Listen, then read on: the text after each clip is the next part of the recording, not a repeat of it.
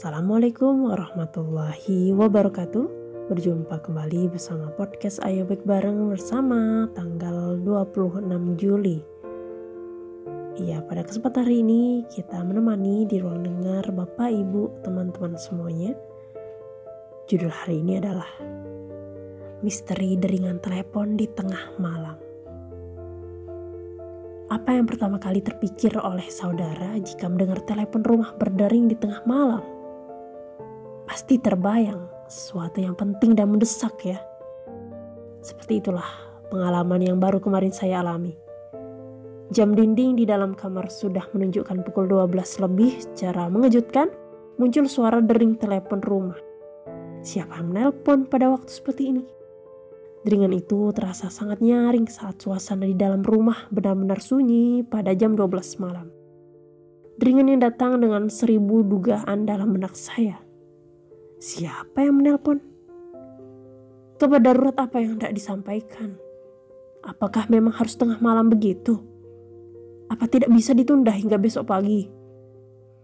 Benar saja, setelah saya jawab panggilan telepon tersebut, ternyata sebuah berita duka cita dari tetangga dekat saya.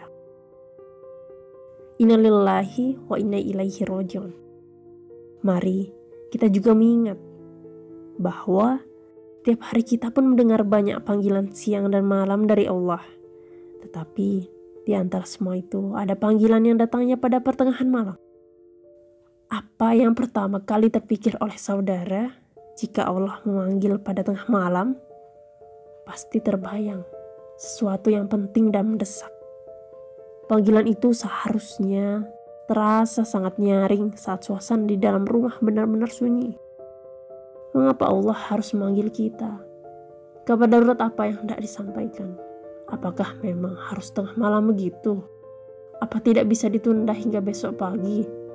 Tidak salah lagi. Allah memanggil kita memang untuk sesuatu yang sangat penting kita raih.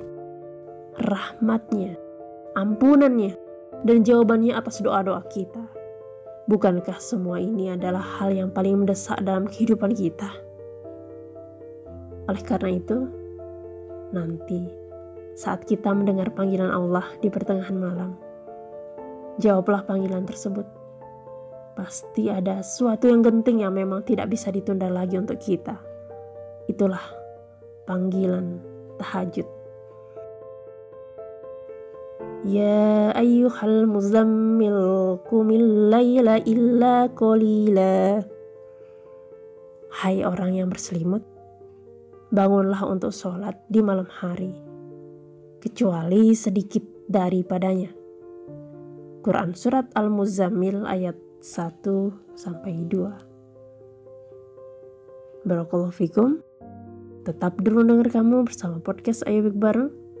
Wassalamualaikum warahmatullahi wabarakatuh.